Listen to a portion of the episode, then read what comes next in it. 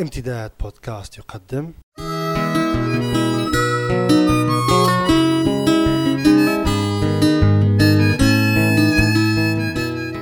رسالة من لندن مع جمعة بوكليب ضيف هذه الحلقة الكاتب والمؤرخ الدكتور محمد المفتي. بين الحين والآخر آتي من ليبيا إلى بريطانيا. أساسا لرؤية أحفادي. وثانيا لأنني أمضيت جل شبابي للدراسة هنا في بريطانيا. ثم انضاف لهذه الأبعاد الطقوسية تسجيل رسالة من لندن على برنامج الصديقين جمع بوكليب والدكتور غازي القبلاوي وكلاهما من رجال الأدب والسياسة. أما جمع بوكليب فقد رافقني في رحلة السجن في زمن القذافي المقبور. ربما يتوقع المستمع أن أتحدث لهم عن لندن لكنني مجرد زائر عابر وسأعود إلى بنغازي مع نهاية الأسبوع. بنغازي التي لم أهجرها حتى بعد خروجي من سجن القذافي قبل ربع قرن. ولهذا أفضل أن أحكي لكم عن ليبيا. التي لا تخلو صورتها حتى الآن من شتى الارتباكات والأسئلة المحيرة. بحلول هذا الربيع يكون قد مضت خمسة أشهر على نهاية القذافي الطاغية الطاغية الذي لا مثيل له خلال عقود حكمه الأربعة. نعم عرف العالم مستبدون ودكتاتوريون كثيرون. لكن سمات الطاغية الثلاثة وهي الاستبداد وعقدة العظمة والمزاجية لم تجتمع إلا في القذافي. فالرجل بنفسيته المريضة كان مسكونا بالشكوك وإذا شك قتل. أما شطحاته وابتكاراته اللغوية فلا نحتاج إلى ذكرها فهي معروفة للجميع.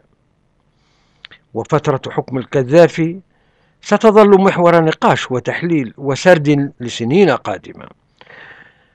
المحزن أنه في اعتقادي نجح في السيطرة على البلاد والعباد بمعادلة بسيطة. أن تتملك بالخوف المحض. أن تتملك زمرة صغيرة ربما أقل حتى من مئة شخص. وهؤلاء بدورهم يخيفون ربما ألفي شخص. وهكذا سيطر القذافي على مقادير الأمور وخزائن الدولة وأجهزة الرعب هذه المعادلة البسيطة أظهرت للأسف الليبيين في صورة شعب متخلف يتعيش على الهتاف لزعيمه خانع مستكين يلهث من أجل إرضاء مولاه والتكسب والطمع. تلك كانت صورة الليبيين وكانت صورة مخجلة. ثورة فبراير المجيدة أعادت شيئا من التوازن إلى الأمور.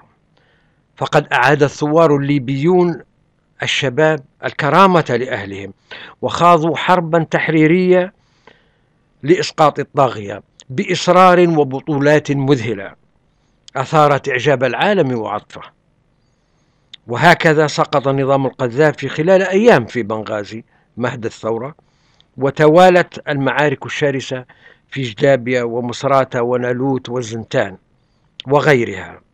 معارك كشفت بالدرجة الأولى على الروح التدميرية لدى الطاغية القذافي وثانيا عن استعداد الثوار الليبيين للتضحية والاستشهاد. لقد أنجزت الثورة الليبية مهامها الأولى بجدارة وبمساعدة القصف الجوي من قبل طائرات حلف الناتو طبعا. لكن الثورة تمتد إلى ما هو أبعد. ولأول مرة يستنشق الليبيون نسائم الحرية في الشارع وعلى الصحف وفي إذاعات وشاشات التلفزيون. ومع الحرية اكتشف الليبيون أنهم أبناء وطن واحد. يجمعهم الكثير.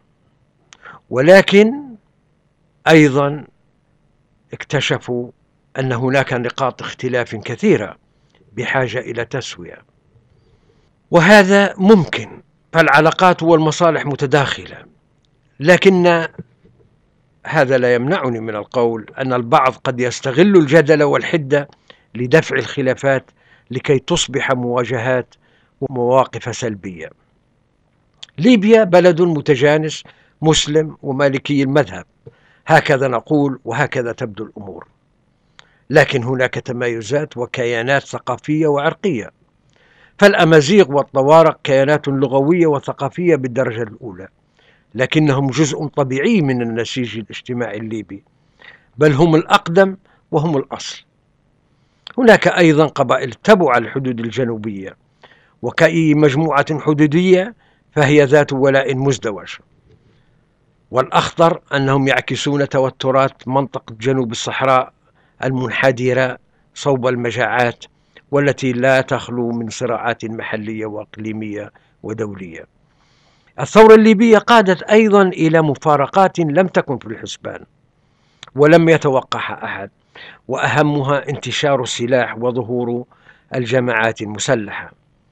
لم يكن انتشار السلاح طيلة أشهر الماضية مصدر خطر حقيقي أو مصدر صراع خاصة في المدن. فالمدن الليبية منذ تحريرها تعيش حياتها الطبيعية في هدوء مثير للإعجاب ودون جرائم أو اعتداءات استثنائية. المفارقة الحقيقية التي تنتظر الحل هي وجود التشكيلات المسلحة. ولدت تلك التشكيلات من رحم الثورة. ومن تلاحم الشباب في مجموعات وحدت بينهم مخاطر الحرب وسيول الدماء ومن فقدوا من رفاق على ساحات المعارك. الطابع الأغلب والمهيمن على هذه التشكيلات المسلحة يحمل صبغة إسلامية ومعظم قياداتها تمتد جذورهم إلى الجماعات الجهادية أو جماعات ليبيا المقاتلة.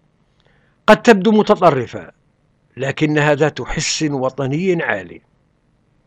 المشكلة أن الثورة الليبية كانت ثورة عفوية وتلقائية ثورة الشارع وبالتالي دون قيادات.